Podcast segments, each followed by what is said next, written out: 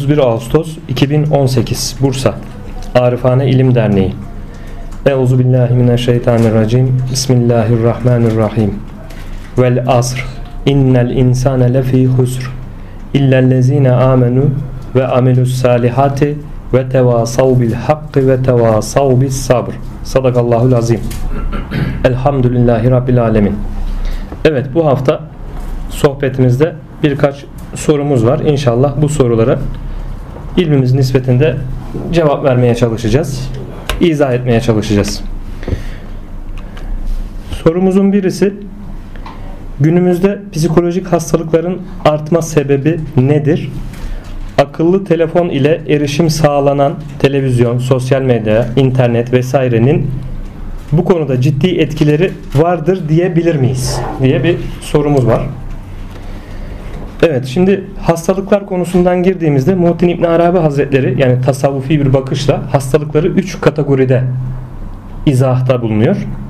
Hastalıklar 3 çeşittir diyor.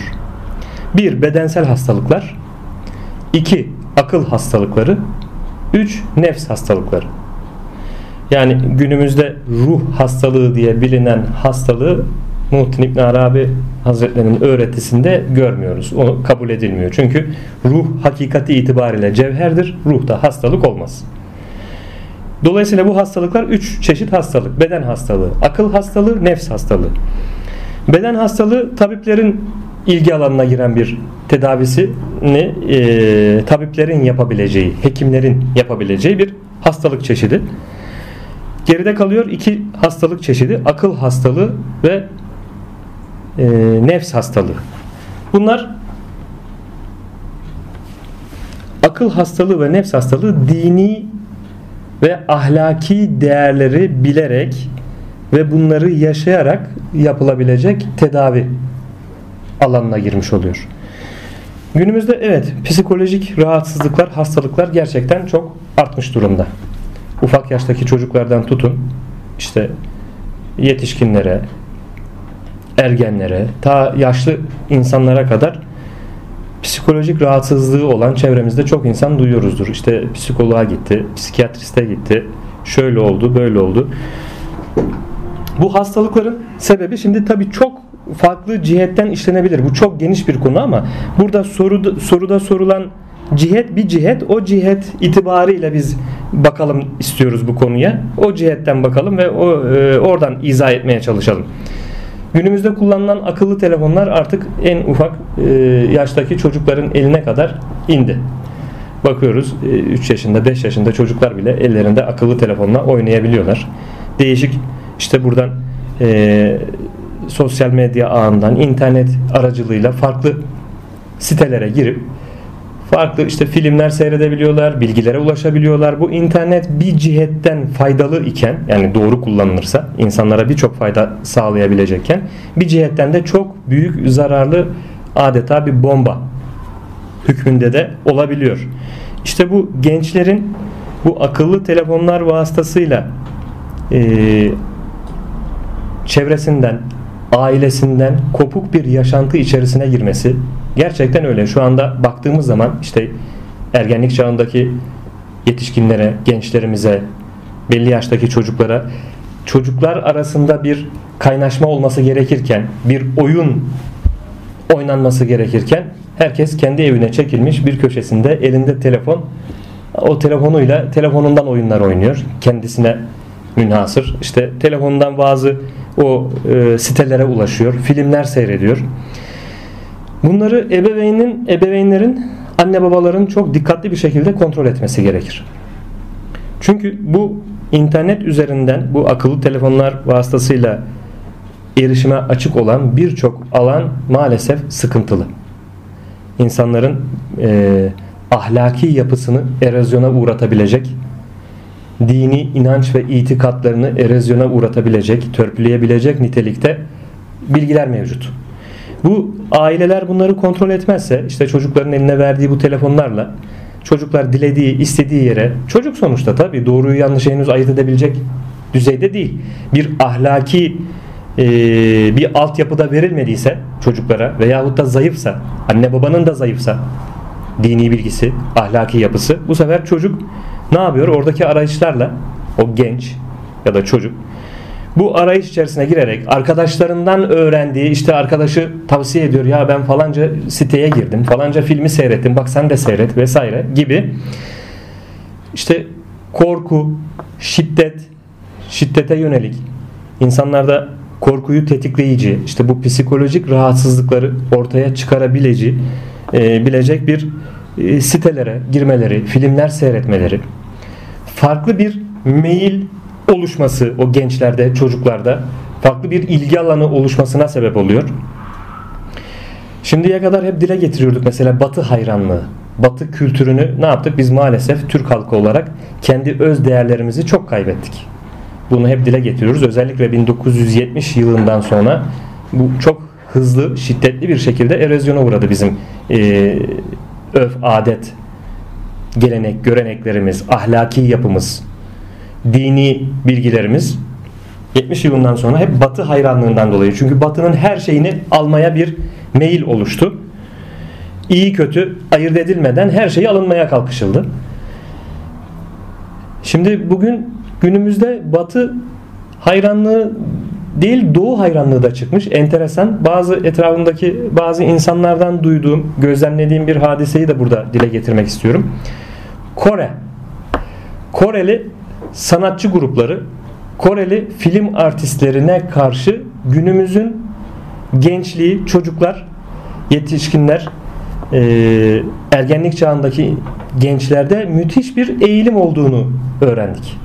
Çok enteresan. Şimdi Koreli işte film artistlerine bir özenti, onların filmini seyretmek, onların işte afişlerini, posterlerini almak, asmak evinin odalarına vesaire gibi böyle bir akım başlamış şimdi de. Yani 10 yaşlarından tutun 10 yaşlarındaki çocuklardan e, ergenlik yaşındaki gençlere kadar böyle o kitlede müthiş bir Kore hayranlığı çıkmış. Neyin nesi? Nasıl çıkmış? Nasıl oluyor bu iş? Bu da neden kaynaklanıyor? İşte bizim toplumumuzda maalesef e, yetişkin bireylerin belli düzeyde ahlaki yapıya, dini bilgiye sahip olmayışından dolayı gençlerde böyle bir çocuklarda böyle bir meyil oluşuyor. Kişiler e, bunları da ebeveynler burada şeyi göz ardı ediyorlar belki. E, kontrolü, disiplini. Ha işte emniyet pek fazla emniyet vermiyorlar veyahut da çocuklar artık ebeveynlerini dinlemez hale geldiler. Çünkü bunlar empoze ediliyor filmlerde. Ya sen bana karışamazsın anne, baba sen nasıl karışıyorsun? Ben onu seviyorum, hoşlanıyorum. O diziyi, o filmi seyredeceğim gibi anneyi babanın sözünü dinlememek, onlara itiraz etmek, karşı çıkmak, anne babayı küçümsemek, burada anne babanın da zafiyete düşmesi, belki bazen iyi niyet olarak çocuğunu kırmak istememesi gibi düşünceyle asıl olanı kaybedebiliyor bu sefer. O disiplin. Çünkü disiplini elden bıraktığınız zaman her şey gider. Maalesef böyle hatalara düşülebiliyor. Bu konularda işte daha sonra bu tarz akıllı telefonlar vasıtasıyla ulaşılan bu filmler, e, müzikler, internet ortamından ulaşılan şeyler insanların psikolojisini bozuyor. Ahlaki yapısını bozuyor. Zaten belli bir temel yok. Ahlak adına belli bir temel yok çocukta. Dini bilgi, bilgi birikimi yok. Doğruyu yanlışı ayırt edebilecek düzeyde bir ölçü terazi henüz elde edememiş ki zaten yaşı ufak. Bu dediğimiz rahatsızlıklar 7-8 yaşında başlayabiliyor. Bakıyorsunuz 7-8 yaşındaki çocuğun elinde telefon ve özgürce istediği yere de girip istediği şeyi görebiliyor, seyredebiliyor. Bu konuda gerçekten ciddi bir şekilde tedbir alınması lazım. Yani toplumumuzdaki bu psikolojik rahatsızlıkların bir sebebi de yani birçok sebep sayılabilir tabi de bir sebebi de işte bu. Yani bu telefonların çocukların eline düşmesi ve internet ortamından istedikleri şeylere erişebilir olmaları. Bu konuda e, ebeveynlere büyük görevler düşüyor. Yoksa toplum olarak işte akıl ve nefis hastalığına uğramış bir gelecekte, çok yakın gelecekte yoğun bir şekilde akıl ve nefis hastalığına uğramış bir gençliğimiz, bir e, şeyimiz olacak, toplumumuz olacak. Öyle gözüküyor yani. Günümüzde birçok hadiselerin artması bunu da gösteriyor. Akıl almaz hadiseler, cinayetler işlenebiliyor, suçlar işlenebiliyor. Burada bu telefonların denetimi şart. Sonra bu psikolojik rahatsızlıklarda elbette ki bu da tabii ki yetkililerin ilgi alanına giren bir konu. Bu psikolojik rahatsızlıkların tedavisi hususunda da yetkin, ehil insanların, insanlarımızın sayısının arttırılması lazım. Bu rahatsızlıkların bir kısmı yine tasavvuf sohbetlerimizde ikinci bölümde olması lazım ifade etmiştik. Cinler, şeytanın ve cinlerin insan üzerindeki tesiri, etkisi ve ne tür rahatsızlıklara sebep olduğunu dile getirdiğimiz bir sohbetimiz olmuştu. Bu psikolojik rahatsızlıkların e, büyük bir çoğunluğu da kişilerin işte bu dini emirleri layıkıyla yerine getirememek, ahlaki değerlerden uzaklaşması neticesi cinlerin musallat olmasıyla cinler tarafından rahatsızlığa uğraması oluyor. Bu hastalıkların tedavisinde de bu cihetten bu bilgiye sahip ehil kimseler ancak bu hastalıkları e, tedavisinde başarılı olabilirler. İnşallah e, devlet olarak da psikoloji dalında bu alanda ehil, yetkin, uzman kişilerde yetiştirmeye gayret edilir yetkililer diyelim. İkinci soru Arif alemde her varlığın hitabından Allah'tan bir haber alır. Ne demektir? Evet, arif olan kimse alemdeki tüm varlığın seslenişinden, duruşundan, halinden o gözlemlerinden Allah'tan bir haber alır. Şimdi Muhittin İbn Arabi Hazretleri şöyle bir tabir kullanır. Ee, varlık Allah'ın ayetleridir. Yani genel manada ayet dediğimiz zaman yaratılmış her şey ayettir. Allah'a bir delildir yani. Allah'ın varlığına bir delildir genel manada. Özel manada ayet dediğimiz zaman e, Resulullah sallallahu aleyhi ve sellem Efendimiz'e inzal olunmuş Kur'an kastedilmiş oluyor. Kur'an'daki sureler ve oradaki ayetler kastedilmiş oluyor. Genel manada bütün varlık Allah'ın ayetidir. Dolayısıyla arif olan kimse bu varlıklardan her bir varlığından açığa çıkan sözden, kelamdan, o varlığın duruşundan, işten, oluştan, cereyan eden hadiseden Allah'ı bilmek, tanımak adına bir haber almış olur. Buradan kastedilen mana budur yani. Arif alemdeki her varlığın hitabından Allah'tan bir haber alır derken bu anlam kastedilmiş oluyor. Eğer kişi e, belli bir düzeyde ilim sahibi olup da bu gözlemini yaparsa etrafında cereyan eden bütün hadiselerde bir hikmet görür. Ve o hikmetin e, ne şekilde olduğunu cereyan eden hadiselerin ardında nelerin e, işareti olduğunu anlar. Dolayısıyla varlıktan bu şekilde arif kişi, kişi haber almış olur işte. Varlıkta cereyan eden her şeyden arif olan, arif diyoruz ya bilen. Eşyanın sırrına ermiş oluyor. Eşyanın sırrına ermiş oluyor. Basiret, basiret sahibi, feraset sahibi ve hikmet sahibi olmuş oluyor bu kişi. Dolayısıyla her cereyan eden hadise ona bir mesaj vermiş oluyor Allah'tan. Bir bilgi vermiş oluyor. Zaten bu dünya e, dünya bir cihetten mürebbidir. Yani öğretendir, öğretmen, terbiye. terbiye edendir. Dolayısıyla biz eğer bu gözle bakarsak cereyan eden hadiselere her hadiseden bir hisse alırız kendi adımıza, kendi payımıza. Allah'ı bilmek, tanımak adına, kendi kemalatımızı geliştirmek, arttırmak adına her cereyan eden hadiseyi ibretle seyredersek bu hadiseler arasındaki ilişkiyi kurmuş oluruz. İşte hikmetleri görmüş oluruz. Her şeyde esma var. Amaç da bu zaten yani. Kişinin etrafında cereyan eden her hadiseyi bu şekilde, bu gözle bakarak bu hikmetleri e, hikmetleri elde edebilmek, hikmet sahibi olabilmek. Amaç gaye de bu. Evet. Üçüncü sorumuz bana verilmedi deme. Çünkü hak almadın der. Delil tekliften ortaya çıkar. Sana yapma denildi, sen yaptın. Sana yap denildi, sen ise yapmadın. İşin gerçeği budur. Muhittin İbn Arabi Hazretleri'nin sözü meşhur. Zaman zaman bunu okuyup dile getiriyoruz. Bu söz ne anlama gelir denilmiş. Allah'ın rahmeti aleme komple yayılır. Aynı güneş ışıkları gibi. Nasıl ki güneş ışığı bu aleme her tarafa yayılmakta. Herkes kendi istidadı nispetinde bu güneş ışığını değerlendirmekte. Terkibi nispetinde. Terkibi nispetinde, istidadı nispetinde bu güneş ışığını değerlendirmekte. Yeşil biber o güneş ışığını almakla yeşil olurken salça biberi dediğimiz kırmızı biber de o güneş ışığını yine almakla bu sefer de rengi kırmızıya dönüşmüş oluyor. Halbuki aynı güneş ışığını aldı. Yine Muhittin İbn Arabi Hazretleri örnek verir. Çamaşır güneş ışığından rengi ağırırken açılırken çamaşırcının rengi kararır der güneş ışığından. Evet. Halbuki aynı güneş. Aynen. Bir tarafı rengini açarken öteki tarafın rengini karartıyor. Aynen.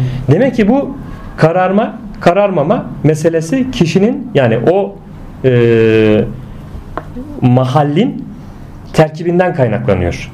Dolayısıyla bana verilmedi deme. Yani işte Allah bana vermedi. Etmedi deme. Çünkü hak almadın der. Neden almadın der? Ayağını sabitleyen gereği sen Allah'tan onu zaten talep etmişsin.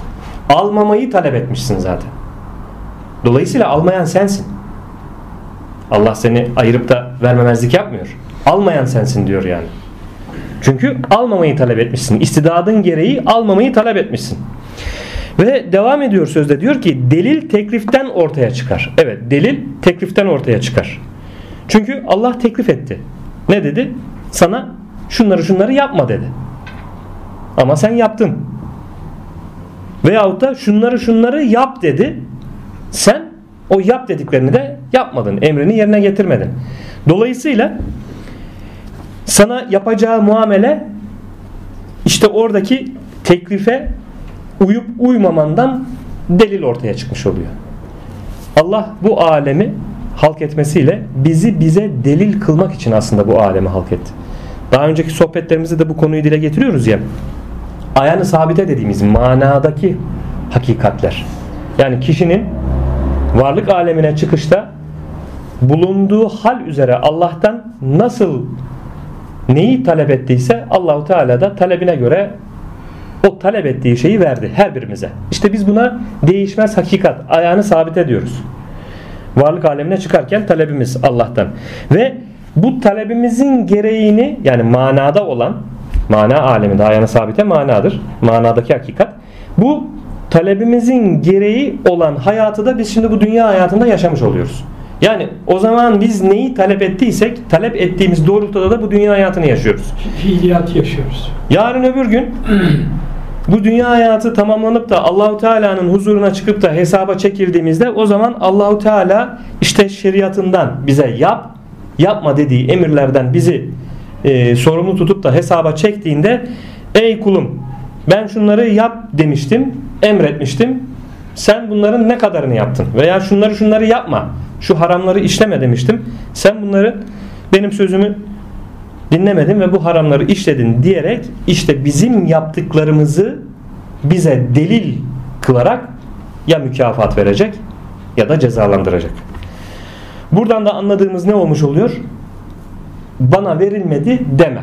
Bu hakikati anla diyor Muhittin İbn Arabi Hazretleri. Sen istemedin. Fırsat verildi sen değerlendiremedin. Verilmedi. Onun için bana verilmedi. Allah bana ver, vermedi diyecek bir hakkımız yok. Çünkü o dediğimiz gibi güneşin bütün aleme yayıldığı gibi o bütün rahmetini yaymasına rağmen biz kendi hakikatimiz cihetiyle bulunduğumuz hal üzere o rahmetten ne kadar pay almayı istediysek o kadarını aldık. Yani alan ya da almayan biziz. Ama Dol- Dol- murad eden o. Murad eden o. Allah'ın muradı ayrı. Bu konuyu daha detaylı anlayabilmek için daha önceki sohbetlerimizde de bu konu çok detaylı da işledik. Kader bahsinde de işledik. Allah'ın bir iradesi var dedik ki muradı, iradesi. Bir de teklifi emri var dedik. Bu konuları önceki sohbetlerimizi kader bahsiyle alakalı sohbetlerimiz dinlenirse daha da net bu konu anlaşılmış olur, açığa çıkmış olur. Evet diğer sorumuza geçiyoruz. Vehimlerin beşeri nefislerdeki tesiri akılların tesirine göre daha güçlü ve baskındır. Allah'ın dilediği kullar bunun dışındadır. Buyuruyor Muhittin İbn Arabi Hazretleri. Bu, bu sözde ne anlatılmak istenmiştir diye bir soru gelmiş. Evet sorumuzu tekrar ediyoruz. Vehimlerin beşeri nefislerdeki tesiri akılların tesirine göre daha güçlü ve baskındır. Bir defa meseleyi tam anlayabilmemiz için, doğru anlayabilmemiz için kullanılan kelimelere ve kelimelerin manalarına vakıf olmamız lazım. Şimdi vehim burada bilmemiz gereken kelimelerden biri vehim. Diğeri bakın ne diyor burada? Beşeri nefislerdeki tesiri. Beşeri nefis nedir? İnsani nefis nedir? Bunları iyi anlamamız lazım. Burada beşeri nefis derken beşer cihetine, insanın beşer cihetine işaret ediyor Muhittin İbn Arabi Hazretleri. Beşer ciheti neydi? Dedik ya biz daha önceki sohbetlerimizde de insan bu dünya hayatına geldiğinde sorgulamaya başlayıp ben kimim, neyim deyip de Allah'a nasıl kulluğumu yapabilirim sorgulamasına geçip de nefis terbiyesi ve teskiyesi metotlarına yöneldiğinde beşer olmuş oluyor. Beşer olarak insanlığı arıyor yani. insanlığa yöneliyor. Demek ki beşer neymiş? Kirlenmişlik hali. Yani o nefsin işte Allahu Teala'nın esfeli safiliğin biz ahseni takvim olarak yaratılmış olan insanın yani mükemmel bir şekilde yaratılmış olan insanın hakikati itibariyle. Buradaki hakikati nedir? Ruhu itibariyle. Ruhunun aslı itibariyle. Çünkü ruhunun ruhunun aslı itibariyle halifelik hakkıdır insanın. İnsan olması hasebiyle halifelik onun hakkıdır. O insan olma özelliği ruhunun asliyeti itibariyle. Nefis mertebelerinden de yedi nefis mertebesi vardı. Ne dedik? En üst mertebe işte safiye nefis mertebesi arınmış, temizlenmiş nefis mertebesi.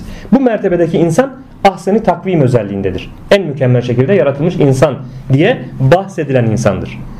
Peki dünya hayatında işte daha önceki sohbetlerde de dile getirmiştik. Kısaca özetliyorum hatırlayalım. Ebeveynden alın, alınan genetik özellikler, DNA özellikleri, anne babadan geçen özellikler, yetiştirilme tarzı, çocuğun yetiştirilme tarzı, öğretmeninden aldığı bilgiler, çevresinden aldığı akraba ve arkadaş çevresinden aldığı bilgiler, e, edindiği ilimler, bilgiler, şartlanmalar, değer yargıları, adetler bu kurallarla birlikte kişi bezendiği zaman işte bunların ne kadar bozuk bir kurallarla bezenmişse nefis o kadar kirli oluyor. Ve biz buna ne diye ta, e, işaret etmiş oluyoruz? Beşer. Beşeri ciheti diyoruz işte. insanın beşeri ciheti. Yani kirli. Yani aşağıların aşağısı. Esfeli safiliğin mertebesinde. Yani hayvandan da daha aşağıdadır denilen mertebe var ya burası. Hatırlayalım Muhittin İbn Arabi Hazretleri böyle insana ne diyor? Hayvan insan diyor. Veyahut da diğer tabirle işte beşer diyoruz buna. Çünkü böyle bir insan yani hayvan insan yani Allah'ın e, kendisini kul olarak yarattığı hakikatten çok çok uzak bu hakikatin arayışına girmiş insan nefis terbiye ve teskiyesiyle mücadeleye başlayıp Allah'a kulluğunu yerine getiren insan önce ne yapar? Önce mertebe olarak kendisine en yakın olan beşeriyetten en yakın mertebe olan hayvaniyete geçer. Hayvan idrakıyla bakın hayvanlar bile hayvanlar bitkiler bile bu insandan yani beşeriyet cihetindeki insandan daha şuurludur. Daha bilinçlidir. Çünkü hayvanlar bile Allah'ı zikir halindedir. Onlar şirk etmezler. Aksatmazlar. Allah'ı zikir halinde. Çünkü onlar yaratılış gayesine hizmet ederler. Dolayısıyla beşeriyet özelliğinden arınmaya, temizlenmeye başlayan kişi, nefis mücadelesine başlayan kişi önce hayvaniyet mertebesinden Allah'ı idrak etmeye geçer. Demek ki hayvandan daha aşağıydı işte. Hayvandan daha aşağı esfeli safilin bu oluyor. Hayvandan daha aşağıyken hayvanlık mertebesine gelip oradan Allah'ı idrak etmeye başlar. Daha sonra hayvanlık mertebesinden bir üst mertebeye geçer, bitkiler mertebesine, nebatat mertebesine. Oradan Allah'ı idrak etmeye ve zikretmeye başlar. Ondan bir üst mertebesi Cemaat. cemaat dediğimiz, donuklar dediğimiz taş toprak mertebesinden Allah'ı idrak etmeye başlar. Bakın beşerden bunlar üst mertebesi. Bakın beşerden hayvan üstün. Bitkiler üstün. O taş toprak dediğimiz cemaat daha üstün beşerden. İşte o mertebeden de idrakini tamamladıktan sonra insanlık mertebesine geçer. Halife olarak halifelik özelliğinin açığa çıktığı mertebe insanlık mertebesinde. Şimdi burada Muhittin İbn Arabi Hazretleri'nin buradaki sözüne dönersek vehimlerin beşeri nefislerdeki tesiri akılların tesirine göre daha güçlü ve baskındır. Evet beşeri mertebedeki bir insan aklı selim üzere hareket edemez. Onun hareketi tamamen vehminin doğrultusundadır. Vehim nedir? Vehim şüphe. Şek. Şüphe. Vehim kuvveti insanda var olmayanı var gösterir. Var olanı yok gösterir. Biri iki gösterir. İkiyi bir gösterir. Bu vehim öyle bir şeydir. Aklın perdesi konumundadır vehim. Akla perde olur. Akıl devreye girmez. Akıl çalışmaz bu sefer. Kalp nurlarını engelleyen settir vehim. Kalbin nurları açığa çıkmaz. Meleki ilhamları almaya engel bir duvardır vehim. Ve insanda vehim kuvvetli ise meleki ilhamları da alamaz o. Çünkü kalp zaten perdeli. Kalbin nurları açığa çıkmaz. Yine korku ve endişenin kaynağıdır. Vehim kuvveti ne kadar yoğunsa bir insanda o insanda korku ve endişe yoğun belirgin bir şekilde açığa çıkar. İlim nurundan yoksundur. Çünkü eğer ilim gelirse ilim nurdur, aydınlıktır. İlim gelirse vehmi kaldırır. Vehim karanlıktır. Vehim o insanın üzerine çöken karanlıktır. İlim geldiği zaman, ilimle aydınlanmaya başladığı zaman kişi ilim nuru ışığıyla aydınlandığı zaman o karanlığı iter. Karanlık alan kalmaz. Vehim insanda o karanlık alandır. Vehim aynı zamanda karıştırma ve sapıtmaya sebep olur. Yani bir şeyi karar vereceği zaman ya da doğruyu yanlışı ayırt etme noktasında ayırt edemez kişi. Karıştırır ve sapıtır. Yanlışa meyleder. Şeytanın zehirli oklarından oktur vehim. Çünkü şeytanın kullandığı en güzel malzemedir. Yine teslimiyet ve sadakatten yoksun olmanın tezahürüdür, açığa çıkışıdır. Zaten bir insanda vehim çok kuvvetli bir halde bulunduysa yani ilimden yoksunsa kişi şeytanın artık o insanla pek ilgilenmesine de gerek kalmaz.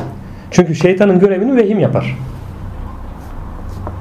Fazlasıyla yapar.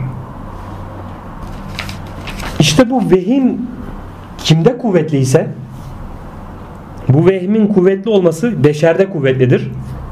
Nefis, nefis terbiyesi ve teskiyesinden geçmemiş, arınmamış insanda, ilim sahibi olmamış insanda kuvvetlidir bu vehim. Dolayısıyla bu vehim aklı perdeler, akılların tesirini ortadan kaldırır. Dolayısıyla Muhittin İbn Arabi Hazretleri burada vehimlerin beşeri nefislerdeki tesiri akılların tesirine göre daha güçlü ve baskındır. Sözünden bunu ifade etmiş oluyor işte. O kişide akıl devreye girmez. Akledemez o kişi. Aklı aklı selim boyutta değildir. Yani akletmeye başlasa bile ilmin nispetinde değerlendirmelerde bulunabilir. Akıl da bir yerde yani selim olmayan akıl yine insana köstektir. Yine insanı yanlışa götürür. Akıl arındıysa, temizlendiyse, nefis terbiyesi, teskiyesi diyoruz ya. İşte akıl da arınıp temizlendikten sonra o akıl akıl gözü kalp gözüne döner. Bazı ehlullah bunu kalp gözü diye tabir etmiş. Ne diyor? Bu yola akılla çıkılır, bir yerde akıl bırakılır, gönülle devam edilir denildiği nokta aslında o gönülden kasıt yine akıl ama hangi akıl? Saflaşmış akıl. Aklı selim dediğimiz akıl yani. Orası artık kalp gözü olmuş oluyor. Burada mesela bu vehimle alakalı Resulullah sallallahu aleyhi ve sellem Efendimizin hadislerinden birinde de şöyle bir işaret vardı. Buraya da yorabiliriz bu hadisi. Bu şekilde izahat yapabiliriz. Her doğana bir şeytan musallat olur. Allah bana yardım etti. Benim şeytanım iman etti. Hadisi şerifi var ya. Buradan kasıt bu vehim de ola, vehmi de anlayabiliriz. Bu anlamda çıkar burada. Yani Resulullah Efendimiz'de vehim yoktu. Bunu anlamış oluyoruz orada. Vehim şeytana hizmet ediyor. Bunu iyi şekilde anlayalım. Her birimizde bu vehim kuvveti var. Bu vehim kuvvetinden kurtulmanın e, yegane ilacı nefis terbiyesi, teskiyesi ve ilim sahibi olmak. Allah'ın ilim sahibi olarak bilinçli ve şuurlu bir şekilde Allah'ın emrettiği şekilde kulluk görevimizi yerine getirmekle ilim nuruyla, ışığıyla aydınlanarak vehim tesirinden kişi kurtulmuş olur. Şöyle de diyebilir miyiz hocam? İlimle birlikte ve vehim de şekil değiştiriyor. Vehim kalkar. Şekil sahibi oldukça da farklı şekillerde Yok, vehim şekil değil, vehim vehimdir. Vehim şekil vehim şüpheye sebep olur yani. Vehim şüphe demek. Yani ilim olduğu zaman şüphe kalkar zaten. Tabii. Şekil değiştirmez. Yok olur. Kalkar, ortadan komple kalkar. Vehim kalkar, kaybolur ortadan. Vehmin tesiri kalmaz yani kişi üzerinde. Şekil değiştirme değil bu. Nefs şekil değiştiriyor. Nefs, nefsi emmareden nefsi safiyeye kadar şekil değiştiriyor. Terbiye oluyor, ıslah oluyor. Nefsi için bunu diyebiliriz. Ama ve- vehim olarak vehim için söylenmez bu söz. Vehim kalkar ortadan. Vehim çünkü karanlıktır. Cehalettir. Mezar- Cehalet kalkar ortadan. Mezarda da vehim olmuyor. Ee, ölüm anında zaten perdeler kalkıyor. Bakıyor. E, perdelerin kalkmasıyla doğrular, hakikat görülüyor. O zaman şüphe kalkıyor. E, şüphenin kalkması ne olmuş oluyor? Vehmin kalkması oluyor. Nefis devam ediyor ama şüphe kaldı. Tabii şüphe kalkıyor. Evet. O zaman şüphe, şek ve şüphe olmayacak şekilde kişi hakikati görmüş oluyor. Görmüş. Tabii ölümle birlikte. Evet buradan da bunu anlamış oluyoruz. Evet duamızı yapalım. İnşallah bu hafta sohbetimizi bu şekilde tamamlamış olalım. Amin. Euzubillahimineşşeytanirracim. Bismillahirrahmanirrahim. Allahümme Rabbena atina fid dünya haseneten ve fil ahireti haseneten ve qina azaben nar. Allahümme afir li veli valideyye ve lil müminine vel müminati el ahyai minkum el emmat. Allahümme salli ala seyyidina Muhammedin el fatihi lima uliqa vel hatimi lima sebaga nasırıl hakkı bil hakkı vel hadi ila sıratikel mustakim ve ala alihi hakka kadrihi ve miktarihil azim. Subhanellezi yar'ani, subhanellezi mekani, ya'lemu mekani. Subhanellezi yar'ani. Esselatu ve selamu aleyke ya Resulullah. Esselatu ve selamu aleyke ya Habiballah. Esselatu ve selamu aleyke ya seyyidel evvelin vel ahirin salavatullahi aleyhim ve aleyna ecmain. Subhane rabbike rabbil izzeti amma yesifun ve selamun alel murselin velhamdülillahi rabbil alemin. El Fatiha.